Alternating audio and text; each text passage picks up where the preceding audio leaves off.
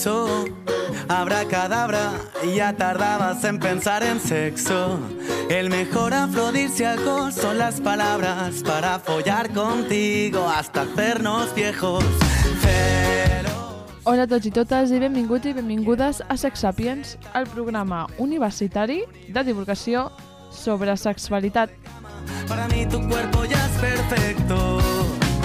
Voy a acostumbrarme a tus manías y empaparte la autoestima surfeando tus estrías.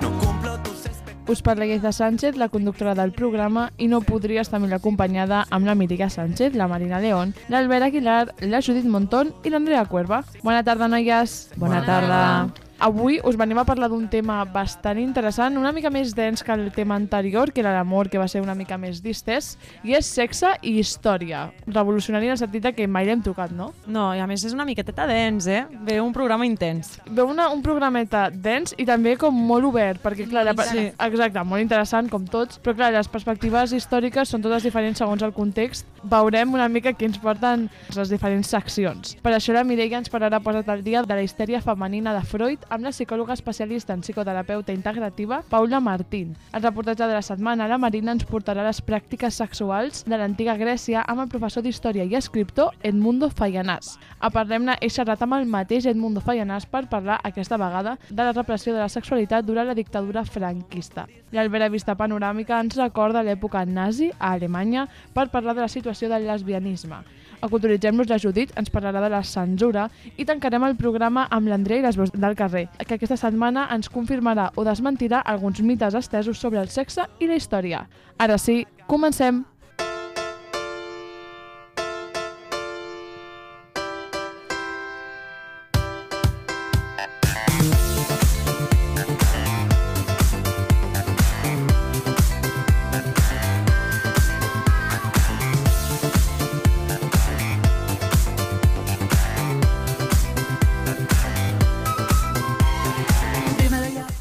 La sexualitat i el sexe varien segons la cultura i el context sociohistòric en què es desenvolupin, com dèiem abans. No és el mateix, doncs, parlar del sexe a l'antiga Roma que a l'Anglaterra victoriana, i així amb totes les etapes i moments històrics.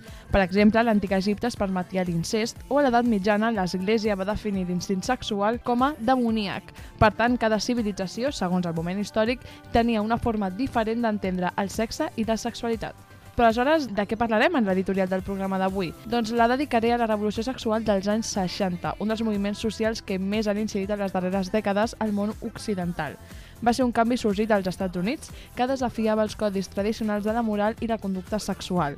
El període s'inicia amb l'invent de la píldora anticonceptiva per primera vegada es desvincula el fet de mantenir relacions sexuals amb la funció reproductiva i el sexe passa a ser una forma de tenir descendència a una eina de goig. La revolució sexual assoleix el punt màxim de desenvolupament durant els anys 70 i 80. No obstant això, cal assenyalar una de les infraccions més grosses de la història de la sexualitat del segle XX, la descoberta del clítoris l'any 1998, és a dir, no fa tant de temps realment si ens parem a analitzar-ho. Tot i que ja se'n coneixia l'existència, la doctora Ellen E. Connell va ser la primera en esbrinar-ne l'anatomia. I ara que hem fet 5 cèntims ràpids de la revolució sexual, passem a parlar del sexe i la història amb una perspectiva crítica i de gènere, com sempre.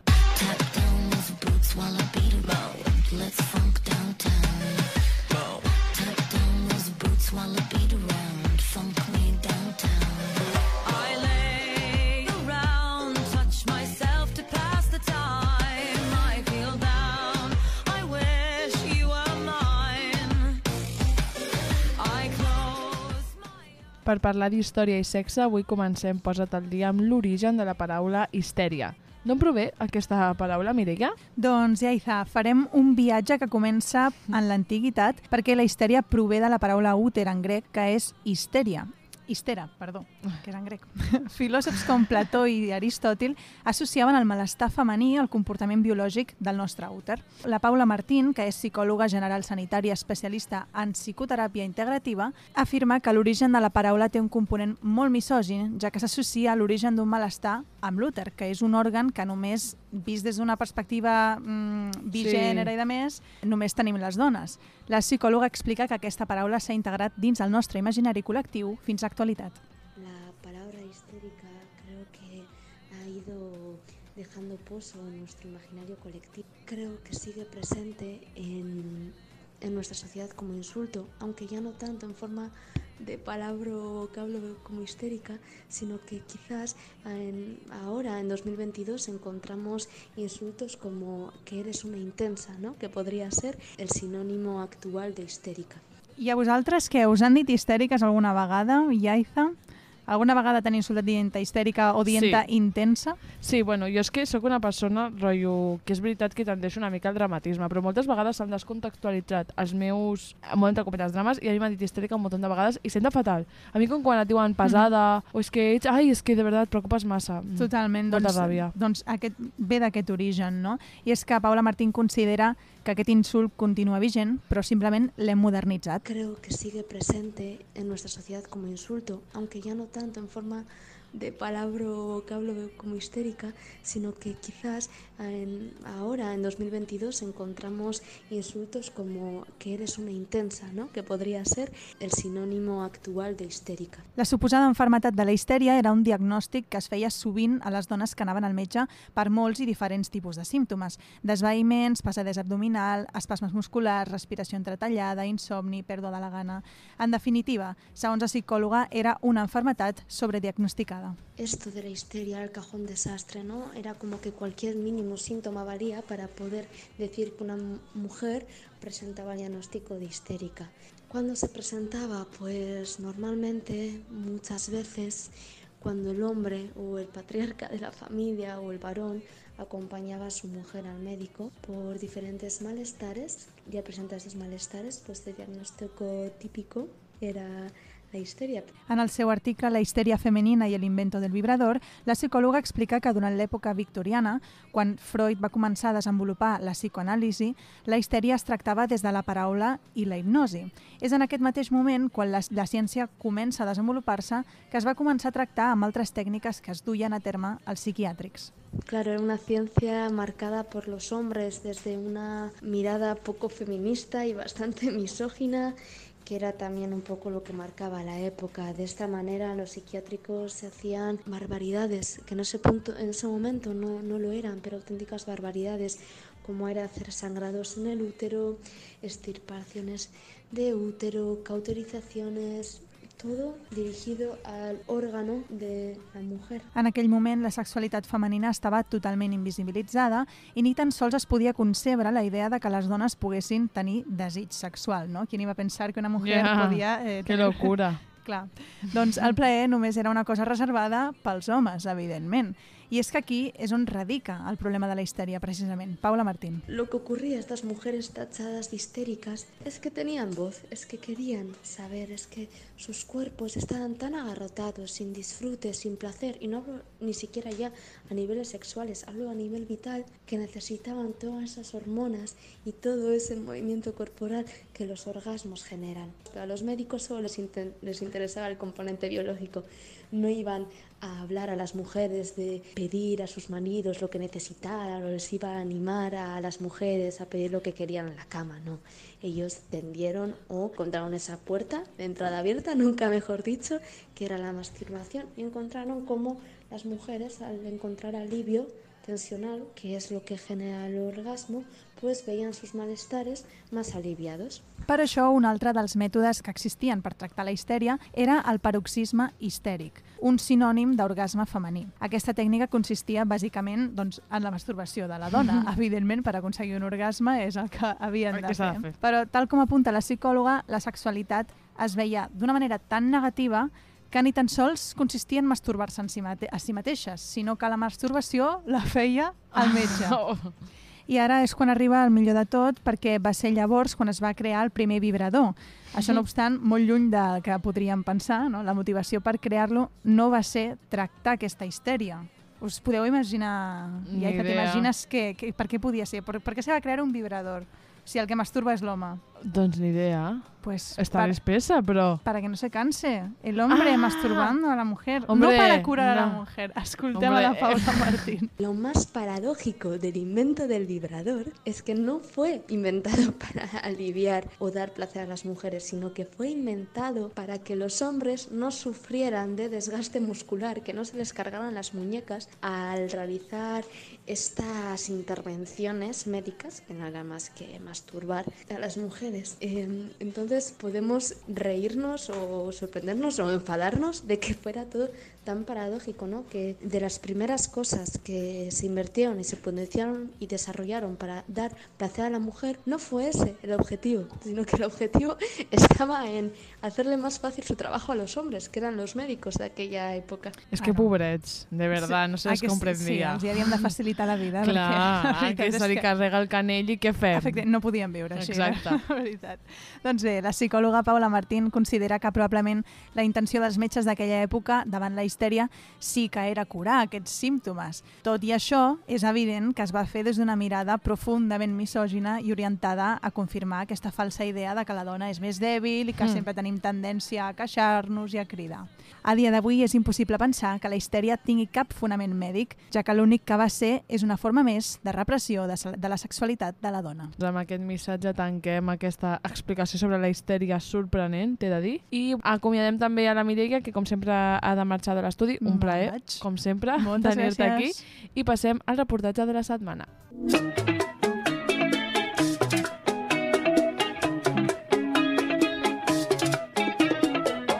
Este amor es como una religión.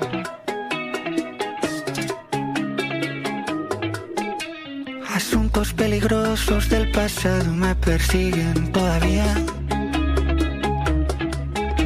Historias que la gente no olvidó y que me recuerdan cada día. Després de navegar una mica per la ment de Freud i com concebia la histèria, passem a un tema radicalment diferent perquè aquesta vegada la Marina ens transportarà a l'antiga Grècia per parlar-nos una mica de les pràctiques sexuals de l'època, oi? Doncs sí, i ho farem de la mà d'Edmundo Fallanàs, professor de Història i escriptor a Nova Tribuna i Público, que m'explicava que la nostra cultura, l'occidental, està molt basada en la cultura grega.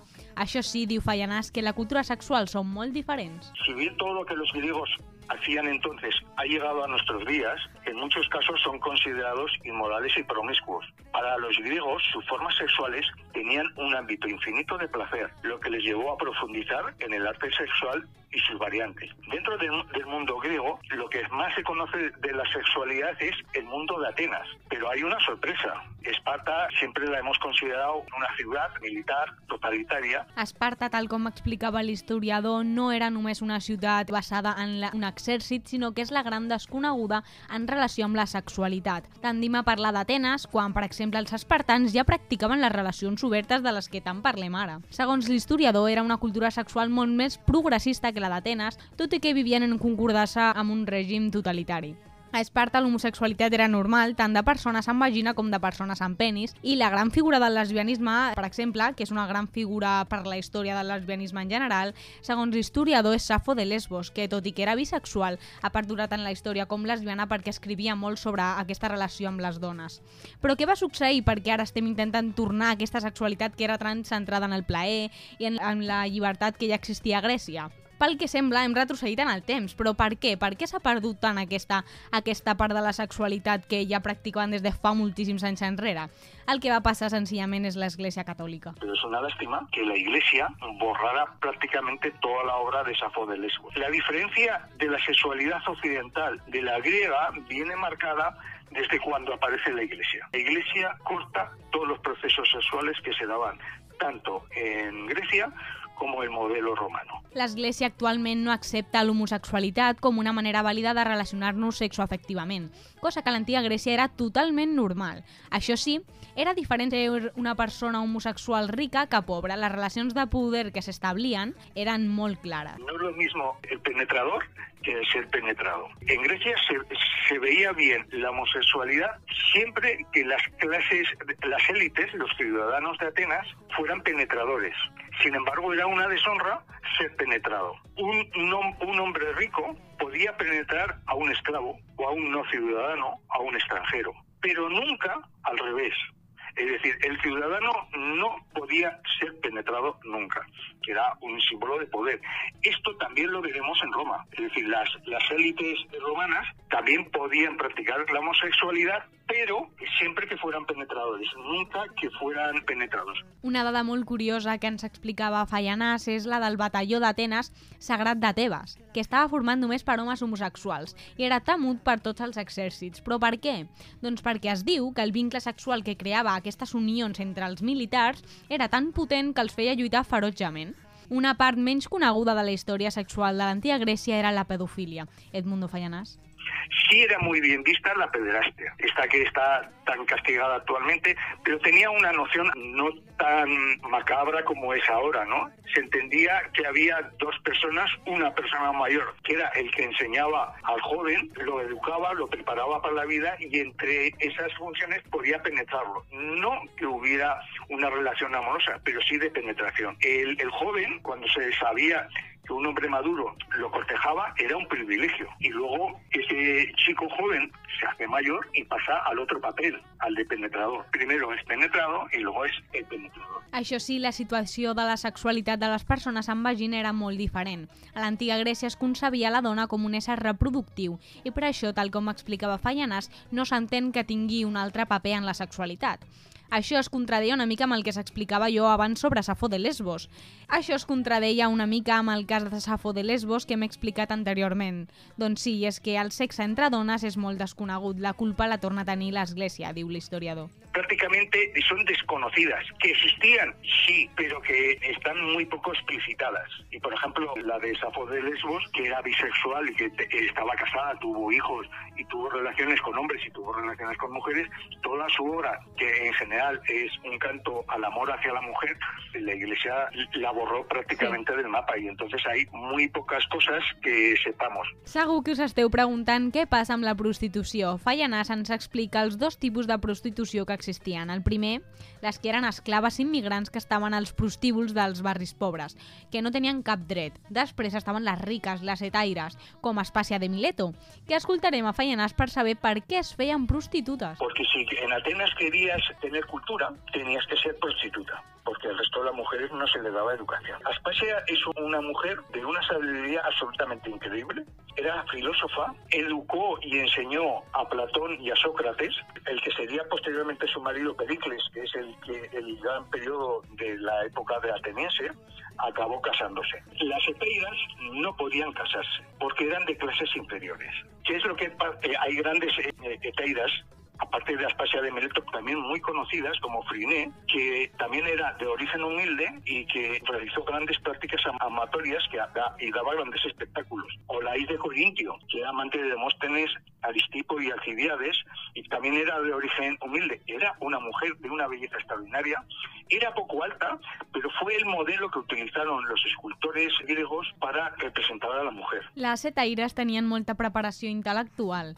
Aprenien a tocar instruments i, segons l'estàndard de l'època, gaudien de molta bellesa, explica l'historiador. A més, durant els seus balls i els concerts que feien als simpòsiums, festes on només assistien homes, guanyaven moltíssims diners. I tractant una mica el tema del compromís, un fet molt curiós que va detallar-me l'historiador és que dins dels matrimonis espartans mantenien relacions obertes. Podien tenir sexe amb altres persones, tant els homes com les dones. A Atenes la cosa canviava una mica perquè les dones tenien menys drets que els homes. Els seus drets estaven molt més restringits i només podien gaudir del sexe amb altres persones els homes.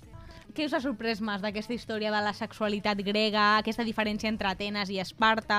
A mi m'ha sorprès una cosa que és que jo concebia com l'antiga Grècia, com, o sigui, una època com gens homòfoba, perquè es permetien com relacions sexuals entre homes, però clar, el que has explicat de el dominador, el que penetra, que és... I ah, no sabia que era tan homòfob, o sigui, això m'ha sorprès a mi a nivell personal. Sí, totalment. Jo crec que coincideixo amb la Iaiza, eh? A mi m'ha sorprès això que has dit de la pederàstia, que, bueno, en aquella època era com un ritual d'iniciació, sí. podríem dir, no? Eh, has explicat Que una mica turbio. que el que feien era, doncs, d'alguna forma ensenyar al menor d'edat a penetrar, no? Si Que no ho fort. he entès malament. I, mm, Déu-n'hi-do, això no ho I sabia era i un m'ha- m'ha orgull. Sí, jo, jo igual, jo això no ho sabia tampoc. O sigui, hi havia moltes coses que desconeixia. L'historiador explicava que era un orgull perquè, clar, estaves sent penetrat per una persona adulta que t'havia escollit a tu entre la resta de nens. És molt turbio. Sí, si tu, sí, sí. Mirant-ho amb els ulls del segle XXI, I lo, després és que gran sorprendrà tot, però el paper de la prostitució no me l'esperava així. Jo tampoc eh, pensava que existia una diferenciació tan clara entre les immigrants Ja. i les que tenien més, més capacitat després de I bueno, que i era- estudiar i tot. Sí, que era l'única via per estudiar i per ser com una il·lustrada. Clar, és que a Esparta, com deia l'historiador, sí que podien les dones, les nenes, estudiar amb els seus companys nens, però a Atenes la cosa Clar. estava més, Sí. més restringida per Jo les d'aquest contrast tampoc el sabia. En plan que Esparta era tan liberal i que podien tenir relacions obertes tant homes com dones. Ojo, que això és important perquè a, a Atenes, pues, segons has dit, no? Hem ajuntat com temes molt totxos en un programa, però és que Atenes dona per molt... Dona per i, molt. I crec que passa una mica amb tots els temes que tractarem. Sí. Però bé, ho deixem una mica aquí perquè si no el programa serà llarguíssim, que bueno, no estaria malament, però tenim una hora a la, a la qual senyir-nos. Així que després de repassar amb la Marina León l'antiga Grècia, passem a Parlem-ne. Black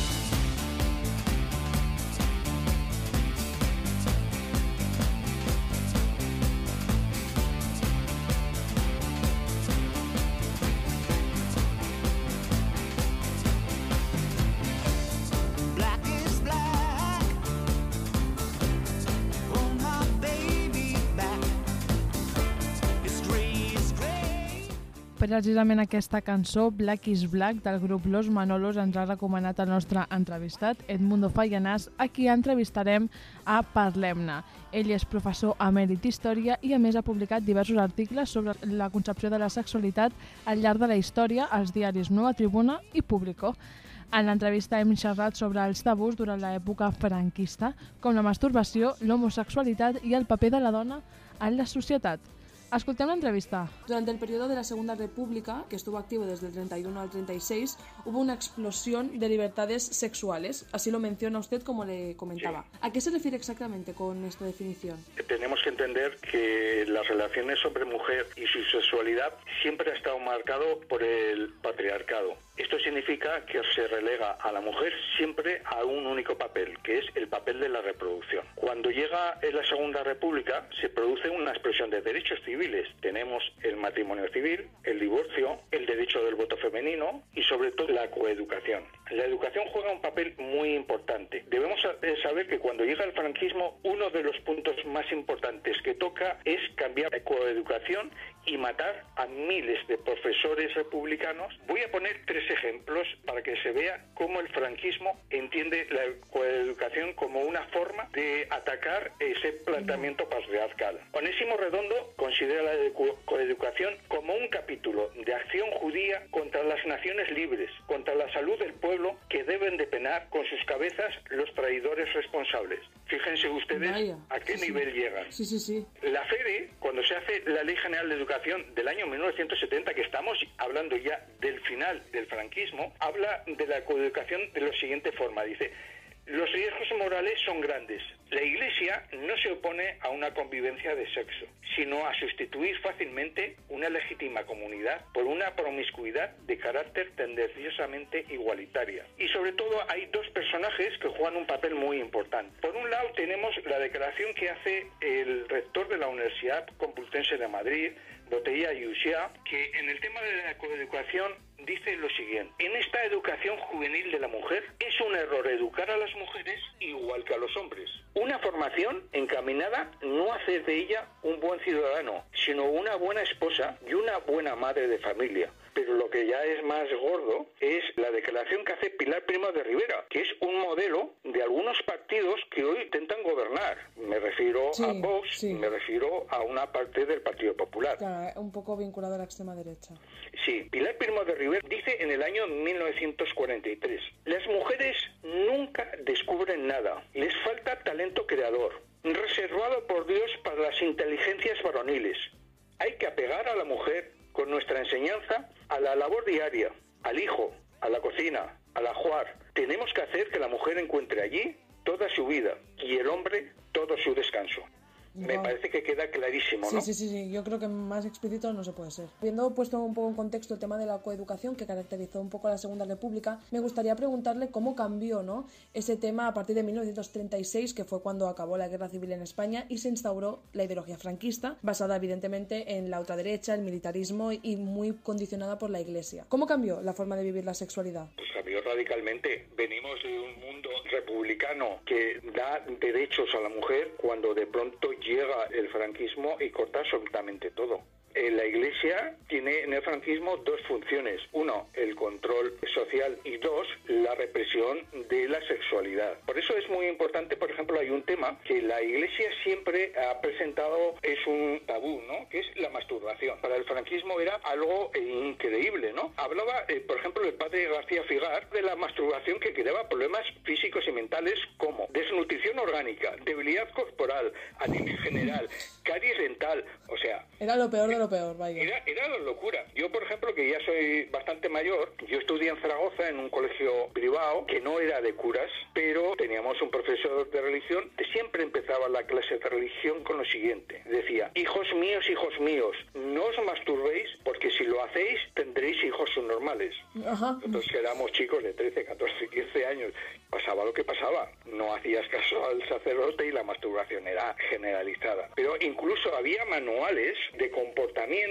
en los internados. Por ejemplo, no se permitía meter las manos dentro de la cama. Controlaban absolutamente todo y todo era pecado. Que incluso castigaba en los bailes de que eh, el hombre y la mujer no se acercaran. Se denunciaba y se ponía multas por comportamientos indeseados, por ejemplo, besar a tu novia. Claro, el noviazgo también está muy condicionado, entiendo, por esta moral basada en la represión y en y oprimir. Sí, sí, pero además la gente que era multada luego aparecía en público con la relación de que habían sido castigados por prácticas no deseosas de sexualidad. Es que era la represión pura y dura. Y ahí a la cabeza siempre estaba la iglesia. A mí me ha parecido muy interesante lo que ha comentado de el tema de la prostitución, porque claro, a las mujeres sí que, como usted ha dicho en la entrevista, se les exigía llegar vírgenes y puras, por decirlo de alguna forma, al matrimonio, pero sí que es cierto que no se aplicaba con la misma vehemencia en los hombres. Entiendo entonces que la prostitución estaba normalizada, ¿no? Y que no se aplicaba al mismo grado. La prostitución en la Segunda República fue absolutamente prohibida. Sin embargo, Franco, en el año 1941, levantó esa prohibición y permitió la prostitución, con lo cual se buscaba, por un lado, el control de los y chivatazos que hacían los hombres para saber si había rojos o no había rojos, ¿no? Y después era una salida para muchas mujeres que se habían quedado viudas o en muy mala situación económica. Tengan en cuenta que los primeros años del franquismo se pasó en este país muchísima hambre y era una forma de que las mujeres pudieran sobrevivir. Este tipo de prostitución libre que se permitía sobre todo eh, en prostíbulos, no se permitía tanto en la calle, provocó grandes enfermedades de transmisión social, con lo cual se intentó reprimirlas, sobre todo las que se daban en la calle. Y para eso había dos organizaciones. Una era el Patronato de Protección a la Mujer. Este patronato lo creó Carmen Polo, la mujer de Franco, en el año 1942. Y su objetivo consistía, según decían, en velar por todas aquellas mujeres que caídas deseaban recuperar su dignidad. La realidad fue que la inmensa mayoría de estas mujeres que fueron llevadas a este tipo de organizaciones acabaron en manicomios, como el que había en Cienpozuelos, como había el de la calzada de Oropesa, Toledo, donde miles de mujeres fueron víctimas de estas organizaciones. Aquellas chicas jóvenes adolescentes tenían otro tipo de organización, que eran las monjas de las adoratrices. La prostitución fue legal hasta el año 1956. A partir de entonces desaparece la legalidad de la prostitución en España, pero tampoco se prohíbe. Ya por último me gustaría preguntarle por el papel de la homosexualidad, que evidentemente estaba reprimidísima, pero me preguntaba hasta qué punto llegaba esta sumisión. Estaba totalmente prohibida porque no se realizaba de forma natural y era fuera del matrimonio. Entonces, toda aquella sexualidad que no fuera encaminada a la reproducción estaba mal visto. Entiéndase el adulterio femenino, la homosexualidad, la masturbación, las relaciones prematrimoniales. Y además la Iglesia era la que tenía la sabiduría en cuanto al tema de la sexualidad. Y ya sabemos que la homosexualidad puede ser masculina y femenina, pero el franquismo solo hizo hincapié en la masculina, porque a lo largo de la historia la sexualidad femenina ha sido muy poco tratada y en el franquismo también. No tocó el tema de la homosexualidad hasta el año 44, porque desde el año 1939 que terminó la guerra civil hasta el año 1944 son los años que se produce la gran represión política y entonces estaban centrados en el- eliminar todos los elementos que pudieran distorsionar. Pero a partir del año 1944 el Código Penal ya introdujo el tema de la homosexualidad como delito. Ya castigaba actos deshonestos por un militar con una persona del mismo sexo, que iba desde seis meses a seis años. Los militares empezaron a usar la palabra maricón y era una humillación a todas aquellas personas porque pensaban que la homosexualidad no era un problema de derechas, sino era un problema de izquierdas, de rojos, de ateos y de decadentes. Por eso se utiliza la palabra maricón como un insulto por ex- excelencia.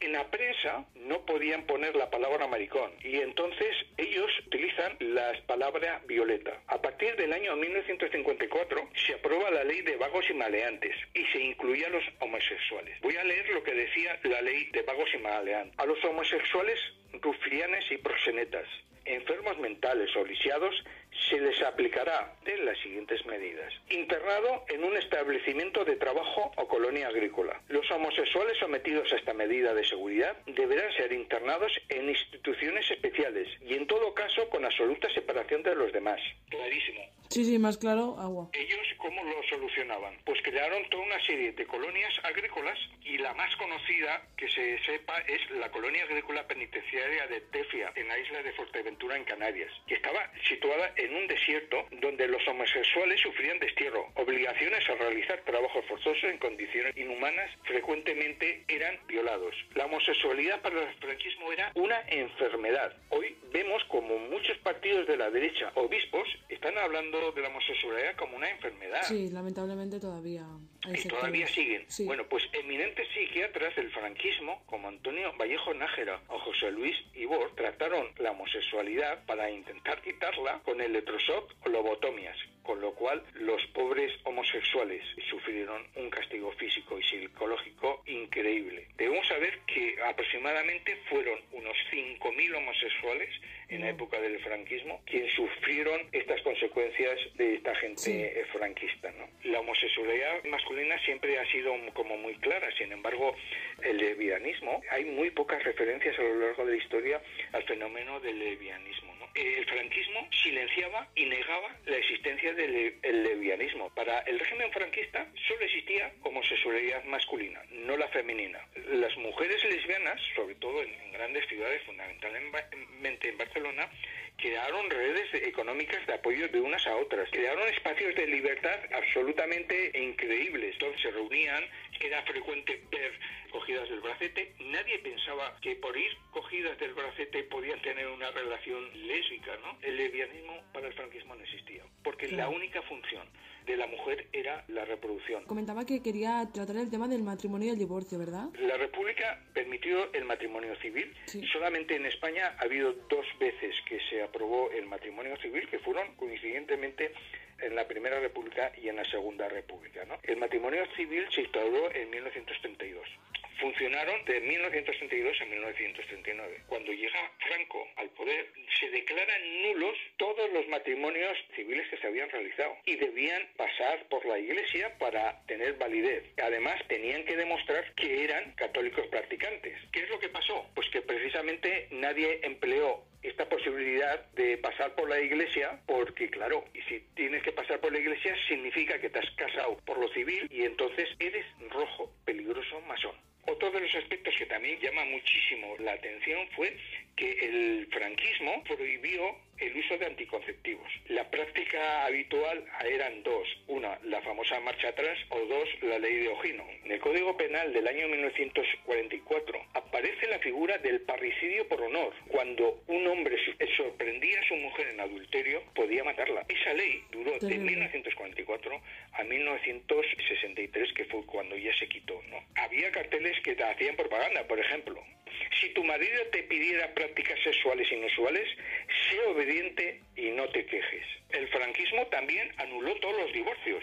De pronto te encuentras que estás casado oficialmente con una mujer que te has divorciado hace años y a lo mejor ya te has vuelto a casar. Pero claro, nadie hacía nada, significaba que eran rojos, Claro. eran peligrosos, eran masones y claro, la gente Se ponía en peligro. se ponía en peligro, entonces la Claro. gente pasaba. A mí el gran problema que me crea actualmente es que haya fuerzas políticas que todavía planteen volver a 100 años antes.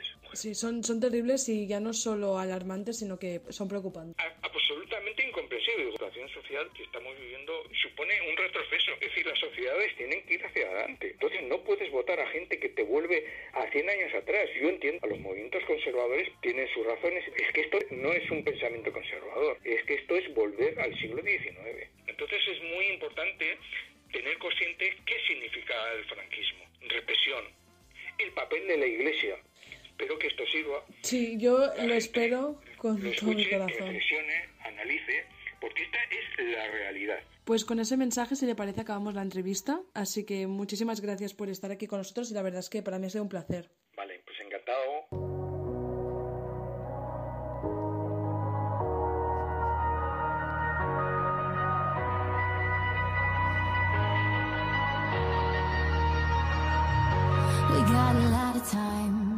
Get it right. It feels good to mess it up. Maybe don't think about it going late night. Who needs a fantasy? És que ens estem rient aquí a l'estudi perquè la música que ens porta l'Albert sempre és una sorpresa. Almenys sabem què escoltarem. I, Però bueno, el pobre Albe- Albert estava motivat, eh? Vull Sí, sí, dir, sí, avui no ha estat tan malament. que te la dedicava a tu. Espero que no. No, però fa, eh, alguna defensa a aquest atac? Bueno, som, eh, som un programa just. A mi m'agrada. A mi és Clar, una clar. cançó que m'agrada i... A mi també m'agrada Albert. Sí, clar, clar. No la coneixes. És que la Yaiza, de veritat, La no sé, no sé per què presenta aquest programa. Com hem dit, primer que no és un programa musical, que és el que sempre diem, i segon que els riures probablement s'acabin aquí perquè el tema que venim a, a tocar avui és bastant seriós perquè l'Alberta ens transporta a Alemanya, concretament a l'època nazi, i per parlar-nos del lesbianisme, no? de la situació de les dones lesbianes en aquest cas.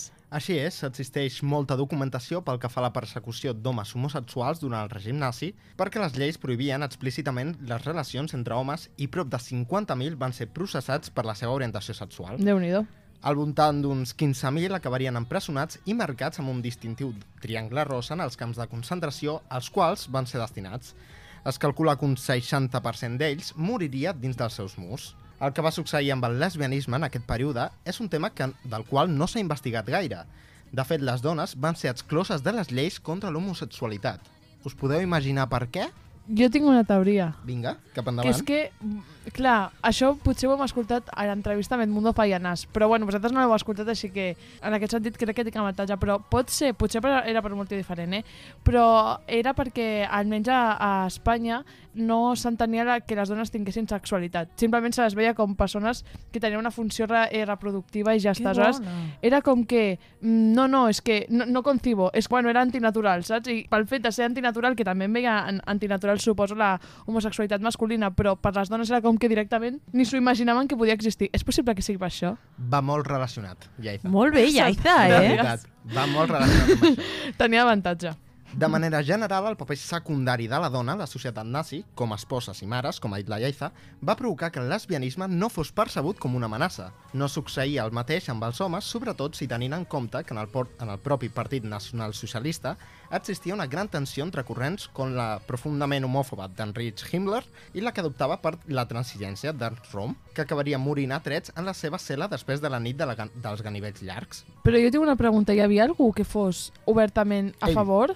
Ell. Ah, era, vale, és Ell que no sabia si era com que simplement... Ah, era homosexual. Ell, a més defensar o anar clarament en contra de les lleis Sí. homòfobes, ell era obertament homosexual. I el van Ah, assassinar. vale, vale. El van ostres, assassinar va a, durar a poc, la nit no? dels ganivets Clar. llargs. Vale, vale, és que no sabia si era simplement que era com una tolerància o sinó que es lluitava pels seus drets. Les lesbianes van formar part del primer moviment homosexual a Alemanya ja des del 1890. La seva discriminació en aquells dies era doble per ser dones i per la seva orientació. Certes modificacions legislatives i una relaxació de la moral sexual durant la Primera Guerra Mundial va provocar que el lesbianisme trobés una via de fuita en alguns clubs i cabarets de les grans ciutats, com el Café Dorian Gray, convertir-se Berlín en una espècie de capital mundial del moviment, sobretot durant la primera fase de la República de Weimar.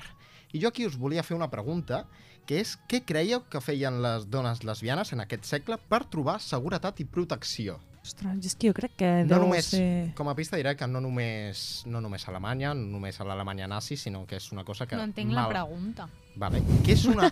què feien les dones lesbianes a nivell, podríem dir, legal, per trobar seguretat de cara a l'Estat o protecció? Casar-se. Casar-se amb un home, no? Uh, Clar. exacte. I dir-li, i, però li deien a l'home en plan que eres un senyuelo. Exacte. O sigui... De fet, moltes vegades he trobat que bueno, l'home era homosexual també. Per tant, no era! Clar. era una parella de, de... Clar, que ben pensat. Sí, sí, es diu Sí, sí, doncs, mm, a veure, una merda que haguessin de recórrer a aquesta alternativa, però ben pensat. Bueno, malauradament s'ha de dir que això no només passava a l'Alemanya nazi, sinó que Ja, realment. ha estat la, la història de moltes dones que s'han hagut de, de Mm. caçar per, per evitar doncs, bueno, ser assenyalades o prejudicis o fins i tot la persecució en altres països del món. El progressiu auge del conservadorisme i l'arribada final del nazisme al poder acabarien amb el tancament forçat d'aquests locals, així com la prohibició de la literatura lèsbica i de la revista setmanal per l'amistat ideal entre dones. Ui, aquest nom. Dave Freudin. O Freudin. Gràcies, Jaiza, com has dit? No, en realitat no. O sigui, era com... no sé, és que jo vaig fer alemany, però fa Jo mil no, anys. Jo, en ma vida. Jo crec que ho has dit molt bé. Dai Freudin, o Freudin, Sí. jo ho diria així, amb la finalitat de protegir la joventut d'uns textos considerats pels censors com a obscens i d'ínfima qualitat. El lesbianisme perdia d'aquesta manera la seva visibilitat pública, però a diferència del que va succeir amb altres minories, les autoritats del Tercer Reich no van posar especial èmfasi en la seva persecució. Els nazis concebien a les dones no sols com a éssers inferiors, sinó també com a dependents de la seva naturalesa dels homes, entenent la sexualitat femenina com fonamentalment passiva. Un altre cop una mica el que ha dit la Iaiza a la, a la primera pregunta. Que és just dir que ho he tret d'Edmundo Fallanàs, que jo Bueno, no tenia ni idea. ho has contestat molt i molt bé. Però clar, dic... D'altra banda, a les dones se'ls permetia una major expressió pública d'afecte que permetia amagar i confondre de cara al públic la seva amistat entre dones del mateix sexe. I això de dues persones homosexuals passant desapercebudes per les lleis de l'Estat no us sona de res? Ens ha de sonar, això. Bueno, us hauria de, de sonar perquè no fa gaire vam parlar d'això. Sí, totalment. A l'anterior programa ho vam estar parlant, diria, no? Toma, l'Andrea. Totalment, Que el programa A veure, anterior... que és un, és un tema extès mundialment i, i socialment eh, sabut per tothom, eh? Vull dir, no només ho hem parlat nosaltres, això. Bueno, però ho vam parlar. Però sí, sí, sí, tant, i tant, no ens traurem flors. Exacte. Ho vam parlar al programa anterior, el programa de l'amor, en el qual precisament vam parlar de països, alguns del sud-est asiàtic, recordo ara, que, bueno, hi havia parelles que parelles del mateix sexe que Mhm. havien d'amagar-se o fins i tot que no eren considerades amenaça i és més o menys el que estic parlant de l'Alemanya nazi, perquè veieu que també això que passava a l'Alemanya nazi malauradament no Segueix està tan passant. lluny del que passa encara Totalment. en alguns indrets del món. Mm. Això ens fa veure que no hem avançat tampoc moltíssim, eh? que a vegades ens pensem que ja està tot fet. Sí, Queda és- molta pedra per picar. Sí que és veritat que s'han deixat etapes molt fosques, en plan com Mm. l'Alemanya nazi era un, va ser una època horrible, però Sí. queden trets no, que encara com es poden veure en altres pues, societats o en altres països, inclús aquí també, o sigui, potser no s'arriba a aquest extrem, perquè no crec ni molt menys que la homo homosexualitat estigui super, super normalitzada i segueix havent molta homofòbia. Els avenços d'aquest tipus mai són lineals, o sigui, uns països sí, altres no, són molt desiguals també, o sigui que no podem generalitzar perquè Clar. és això, és el que va explicar l'Albert més o menys l'altre programa i ho veiem ara en general. I després que hi ha grups polítics, com per exemple l'extrema dreta, que poden recuperar discursos que et penses que has deixat enrere, però que de cop molta gent sí Clar. que els dona, els dona suport, moltes vegades també basats en, ja no només en discriminar col·lectius, sinó en notícies falses i, i dades que no són de veritat, però clar, aquest discurs cala, i quan sembla que avances, hi ha un col·lectiu que torna a recuperar discursos de la discriminació, en aquest cas jo sempre dic l'extrema dreta, i pa atrás. Un, sí. un exemple clar de, de l'extrema dreta espanyola, amb el partit Vox, és el fantasma que va sortir, que tenia les ratlles dibuixades de l'homosexualitat, Sí. que va ser un meme Sí, increïble, això del fantasma, i era, un, i era una, una imatge en què posava que Vox lluitaria contra totes aquestes coses, i una d'elles sí. l'homosexualitat, una altra el Sí. I moltíssims grups més de persones, però Sí. que l'avenç no és lineal, és que No, no, eh, clar. teníem coses ja una mica més oblidades, però aquest partit continua atacant aquest col·lectiu. Sí, com a Espanya, malauradament, en molts indrets del món, tant europeus com d'Amèrica Llatina, la- l'auge de l'extrema dreta pues, està tot arreu, lamentablement. Però bueno, ens estem aquí divagant una mica, tot i que estem parlant de l'extrema dreta, que el nazisme és una mica Està extrema tot dreta. relacionat, eh? Una Clar, o mica. sigui, tot està relacionat, però bueno, Albert, perdona, que Bueno. bueno. seguíem amb les lleis. Per tancar una mica aquest maleït viatge que hem fet a l'Alemanya nazi, us posaré un exemple. Un dels casos més destacats era el de Margot Liu, una lesbiana jueva berlinesa casada amb un cambrer xinès. El seu espòs la va denunciar a les forces de l'ordre en tres ocasions per la seva orientació sexual i la policia es va limitar a no intervenir. Una possible causa d'aquest comportament, assenyalen els experts, podia ser que el detectiu que portava el cas era el mateix en les tres denúncies i fos particularment indiferent a la situació per les seves idees. Bueno, sigui com sigui, mm, bé per, per la Margot. Ens alegrem per la Margot. Exacte. Així que, sí, bueno, suposo que no hi ha res més a afegir, així que havent repassat una mica l'Alemanya nazi, anem a parlar de la censura amb la Judit Bonton a Culturitzem-nos.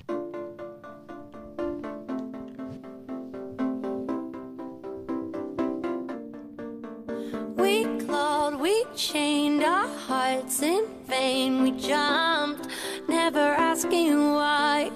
We kissed, I fell under your spell of love. No one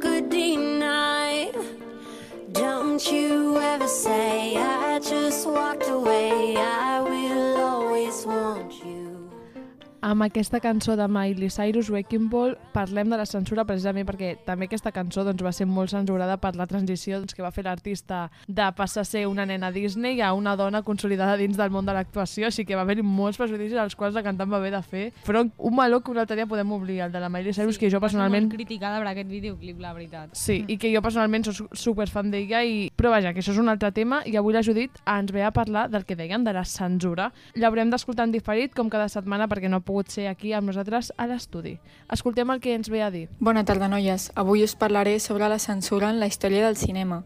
I és que les produccions audiovisuals han hagut de lidiar amb la censura des dels inicis. De fet, una seqüència de només 18 segons, més curta que un TikTok, anomenada El Beso, va ser censurada ja el 1898 perquè escandalitzava la societat puritana del moment. El primer acte de censura registrat data del 1903, en un curt on sortia una dona fent la dansa del ventre. Se'n permetia la retransmissió, però es van haver d'afegir dues línies negres que tapaven el pit i les cames de l'actriu. A Espanya, la censura va començar pràcticament amb l'arribada del cinema, tot i que va tenir el seu auge durant la dictadura franquista. L'any 1921, la Comissió Censora va ordenar als empresaris dels cinemes de Madrid que les sales de projecció estiguessin dividides en tres espais, una per dones soles, un per homes sols i un altre per parelles. Aquest últim, il·luminat per tal que, cito textualment, impidiera o al menos dificultara la creatividad artística que pudiera producirse también fuera de las pantallas, al amparo de una oscuridad cómplice i protectora. És a dir, no només es consideraven obscenes algunes escenes gravades,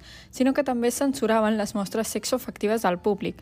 A veure, per fer segons quines coses, millor a l'habitació de casa, però qui no ha anat al cinema per fer-se quatre petons o donar-se la maneta? L'any 1937 es va crear la Junta Superior de Censura Cinematogràfica, amb la funció de revisar o censurar degudament totes les cintes que tinguin entrada o s'impressionin en la zona nacional, és a dir, a Espanya, expedint un certificat de les que sí puguin projectar-se. La Junta prohibia pel·lícules que tinguessin caràcter de propaganda social, política o religiosa, que fossin contràries a la moral o a les idees del règim. L'Església s'hi va posar d'esquena al cinema. El condemnaven amb frases com «Son los cines tan grandes destructores de la virilidad moral de los pueblos que no dudamos que sería un gran bien para la humanidad que se incendiaran todos».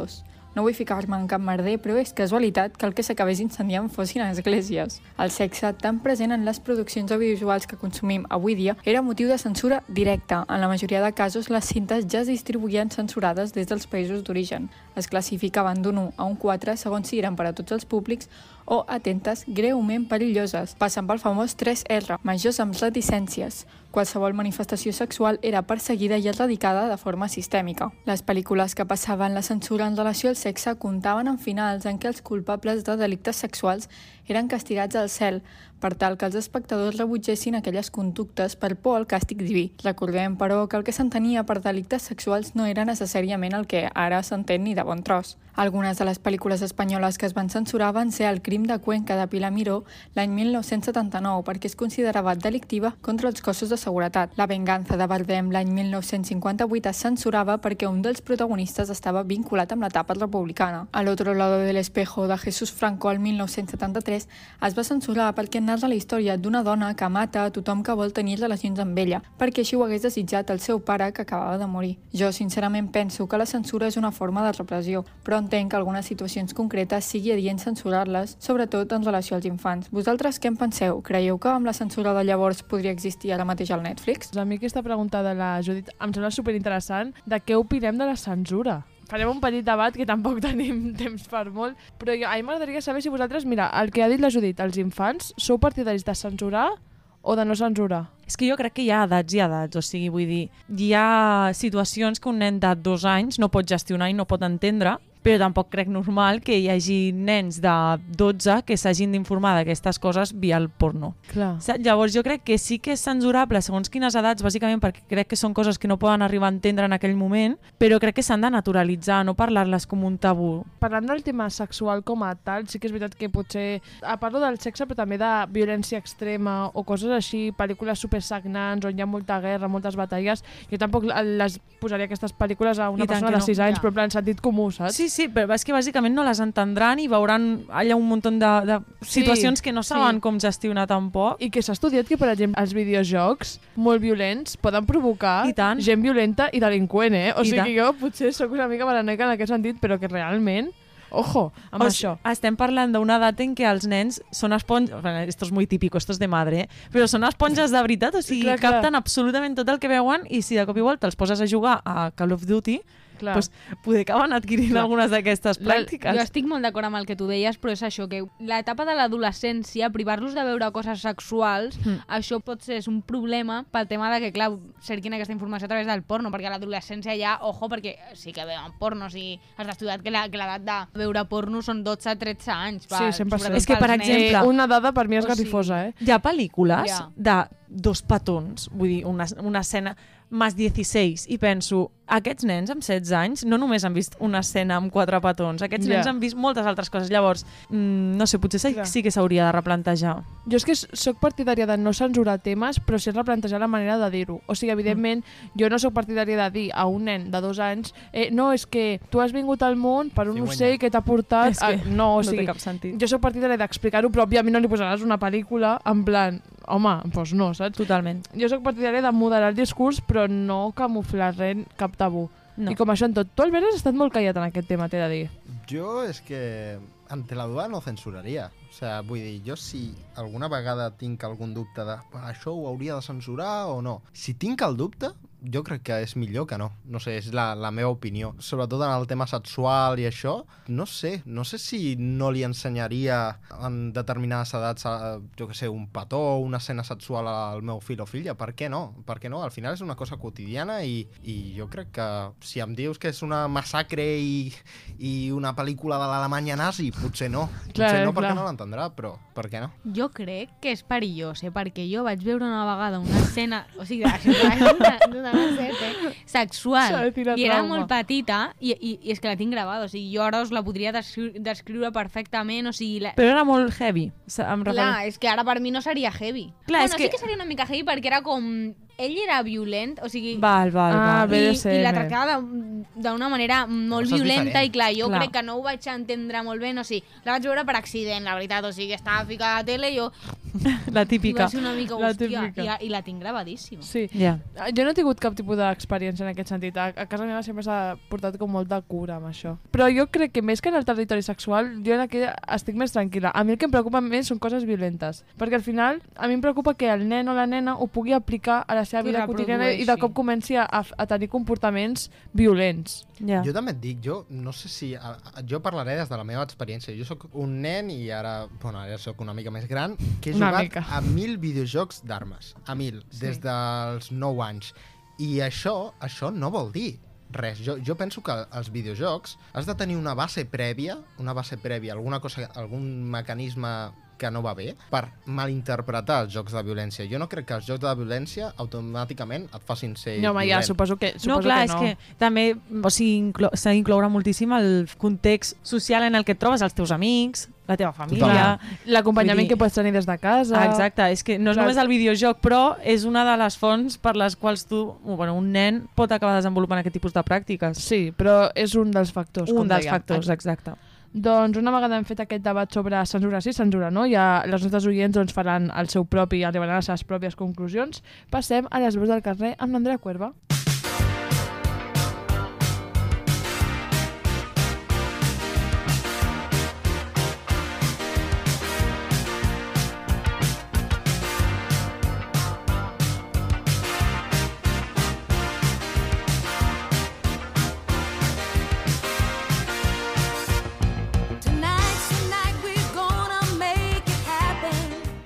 Amb aquest temazo de The Pointer Sixers o alguna així, no me'n Sí, recordo sí, exactament. totalment. Vale, menys mal, perquè jo l'anglès de la barret, eh? O sigui, fatal.